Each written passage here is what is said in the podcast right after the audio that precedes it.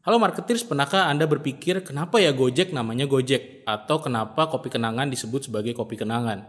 Apa landasan para foundernya memberikan nama seperti itu kepada perusahaan yang mereka rintis? Saya Iwan Setiawan dan ini adalah analisis.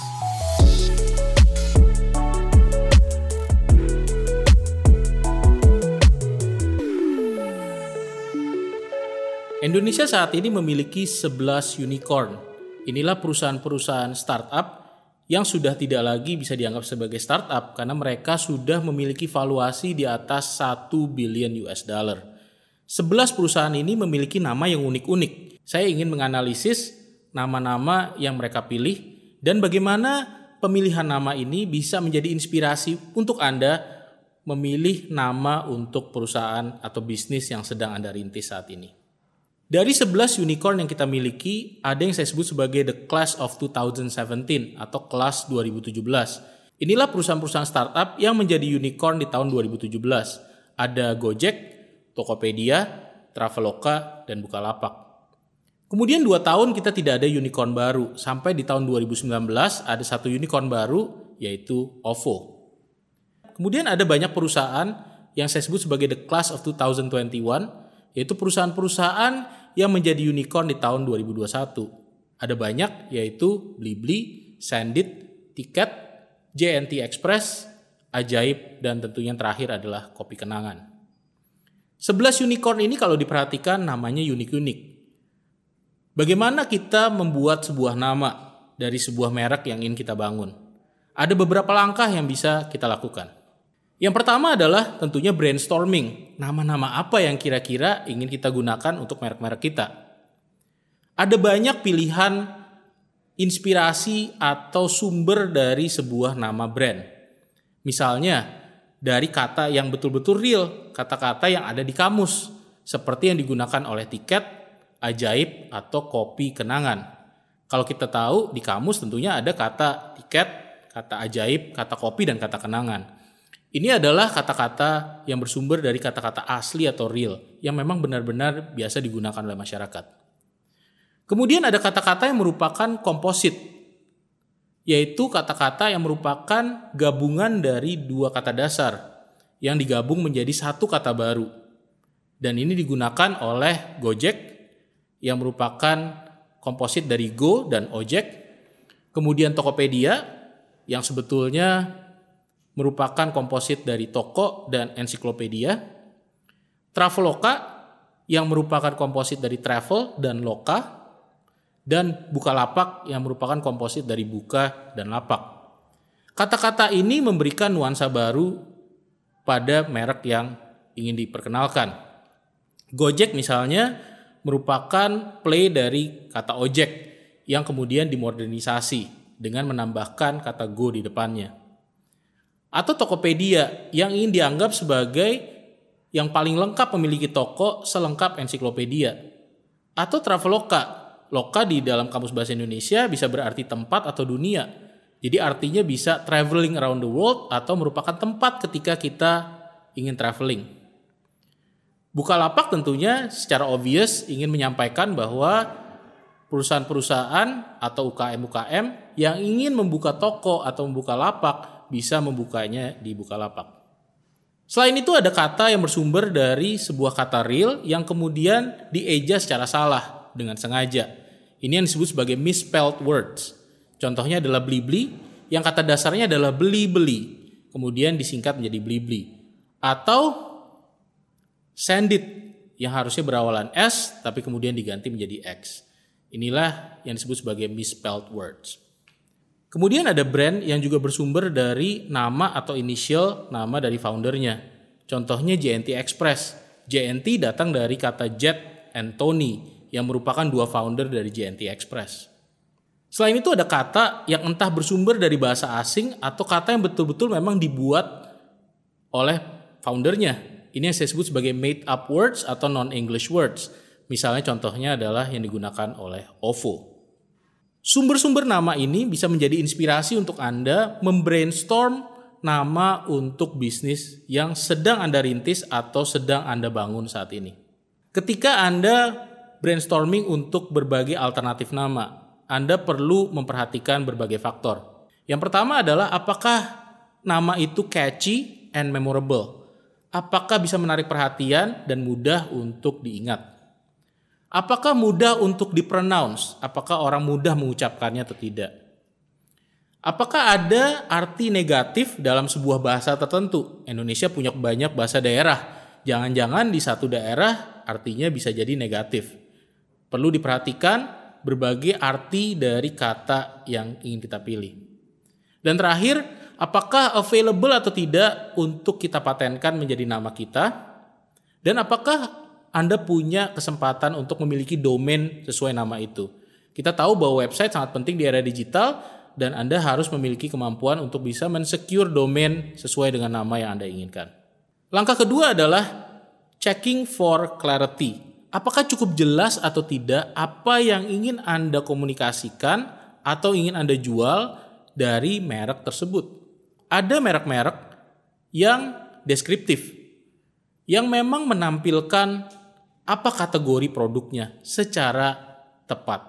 Ada merek-merek yang asosiatif sifatnya, tidak secara deskriptif menggambarkan kategori produknya, atau produk apa yang ingin dijual, tapi memberikan gambaran secara terselubung atau secara implisit. Dan ada juga yang sifatnya evokatif, bisa membangkitkan emosi tertentu yang secara positif, tetapi sekaligus juga bisa memberikan kesan manfaat yang ingin dijual oleh produk tadi, tanpa perlu bisa menyampaikan kategori apa sebenarnya produk ini bermain.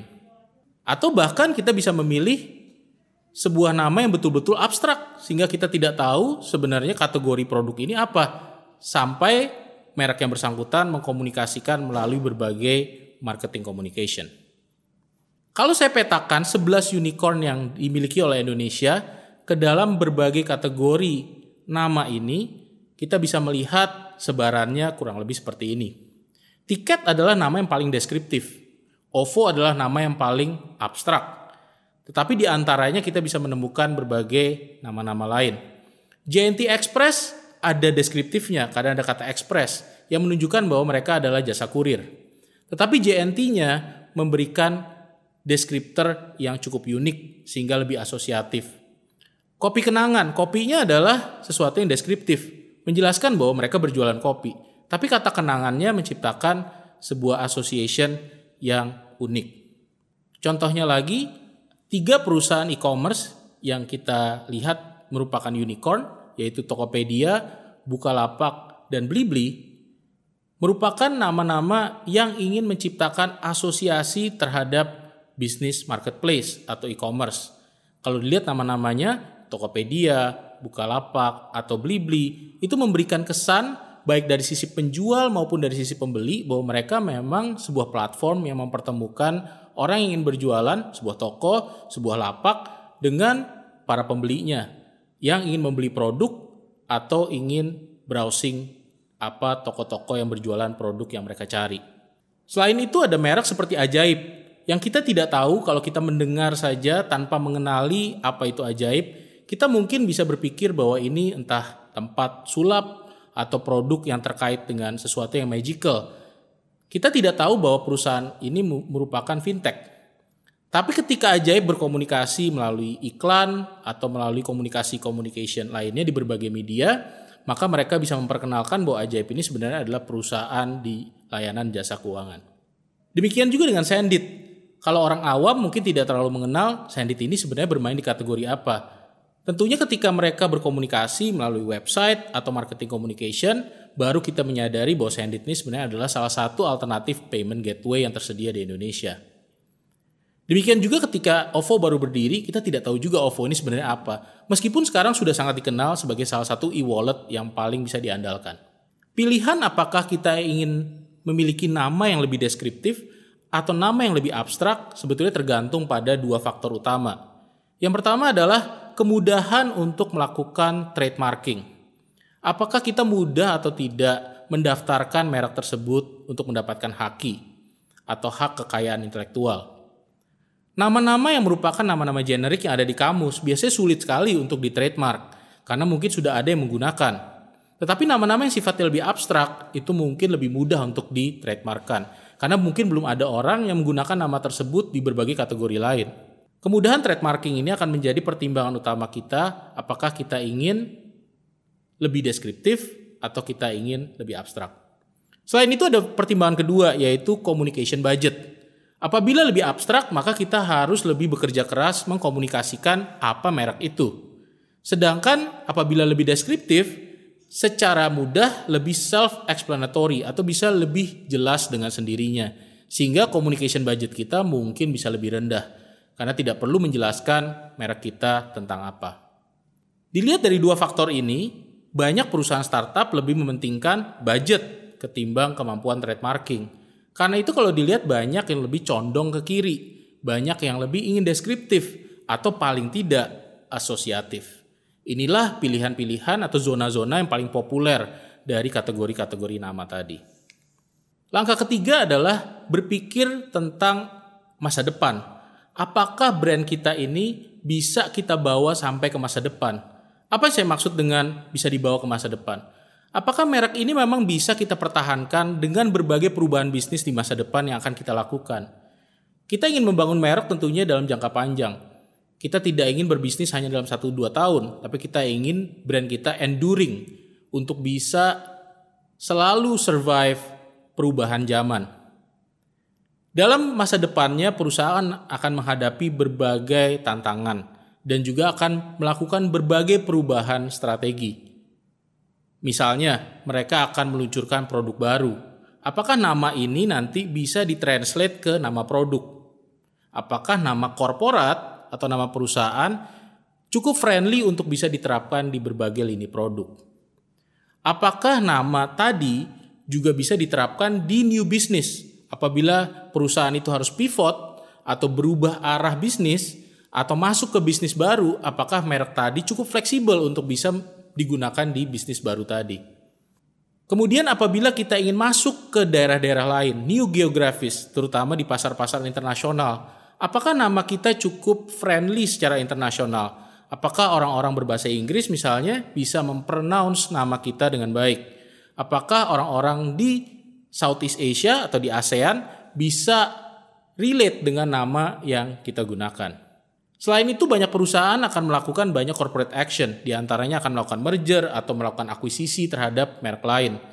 Ketika kita melakukan merger dan acquisition, seperti contohnya Gojek dengan Tokopedia, maka perlu dibuat sebuah entity baru yaitu Goto. Go tentunya mengambil dari kata depan dari Gojek dan To tentunya mengambil kata depan dari Tokopedia. Merger and acquisition tentunya akan merubah brand yang akan kita gunakan di masa depan. Apakah brand kita cukup fleksibel atau tidak untuk digunakan dan mengakomodasi berbagai aktivitas M&A yang akan kita lakukan ke depan. Saya ingin memberikan berbagai contoh. Contohnya, Gojek ketika ingin memberikan nama produk untuk layanan antar makanan, mereka menggunakan kata GoFood.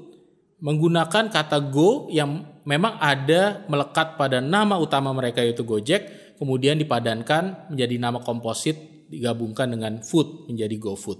Atau Bukalapak yang menciptakan bisnis baru yang mereka sebut sebagai Buka Mall, di mana Bukalapak itu lebih ke marketplace atau lebih ke situsi Sedangkan buka mall lebih ke B2C atau business to consumer, di mana ada brand-brand atau official store yang memang mentarget segmen consumer. Atau Blibli yang ingin masuk ke payment sehingga menciptakan yang namanya BliPay. Atau JNT Express yang masuk ke bisnis kargo dan membentuk JNT Cargo. Kalau dilihat berbagai merek ini memiliki fleksibilitas untuk digunakan di produk baru, di bisnis baru, atau di services baru yang ingin mereka berikan kepada market. Tapi yang paling penting yang tidak boleh dilupakan oleh perusahaan adalah kita tidak boleh overthinking. Jangan pernah overthinking ketika memikirkan nama. Saya mengenal banyak perusahaan yang membutuhkan waktu berbulan-bulan untuk memutuskan nama apa yang ingin mereka gunakan. Mereka terlalu overthinking. Padahal kita tahu bahwa semua nama-nama yang tadi kita sebutkan 11 unicorn itu tidak ada yang tahu, tidak ada yang familiar, dan tidak ada yang suka dengan nama itu sampai ketika mereka sudah terkenal. Kalau Gojek belum seterkenal sekarang, kita mungkin tidak akan familiar dengan kata Gojekin aja. Apabila kita tidak pernah tahu OVO itu begitu populernya, mungkin kita akan tidak akan pernah tahu bahwa OVO itu adalah e-wallet. Intinya brand itu memang perlu dibangun ekuitasnya. Tidak lahir dengan sendirinya, begitu saja kita ciptakan, kemudian mereka bisa dikenal dan menjadi familiar di telinga atau di kepala konsumen kita. Kita perlu membangun secara terus-menerus. Ingat saja kata Coca-Cola. Ini adalah nama brand yang sangat-sangat terkenal dan kita semua tahu Coca-Cola. Mungkin awarenessnya di seluruh dunia bisa 90% hampir setiap orang di seluruh dunia tahu apa itu Coca-Cola. Tapi apakah Anda tahu bahwa Coca-Cola ini merupakan gabungan atau komposit dari dua kata yang sebenarnya cukup kontroversial, yaitu kata coca yang sebetulnya kata dasarnya adalah cocaine dan cola yang merupakan cola nut. Jadi kalau kita perhatikan ini sebenarnya tidak ada hubungannya dengan minuman bersoda yang kita kenal sebagai Coca-Cola sekarang. Tetapi ketika dibangun, mereka memang membangun menggunakan nama yang merupakan gabungan dari dua kata tadi. Ketika mereka selama bertahun-tahun, berpuluh-puluh tahun membangun merek Coca-Cola, akhirnya kita sekarang tahu bahwa Coca-Cola ini memang adalah salah satu brand minuman berkarbonasi yang paling populer di dunia. Mudah-mudahan bermanfaat. Sampai jumpa di episode berikutnya. Apabila Anda belajar banyak dari analisis, tolong subscribe like, dan share konten yang kami create ini. Dan apabila ada pertanyaan yang ingin saya bahas di analisis, silakan tanyakan di kolom komentar.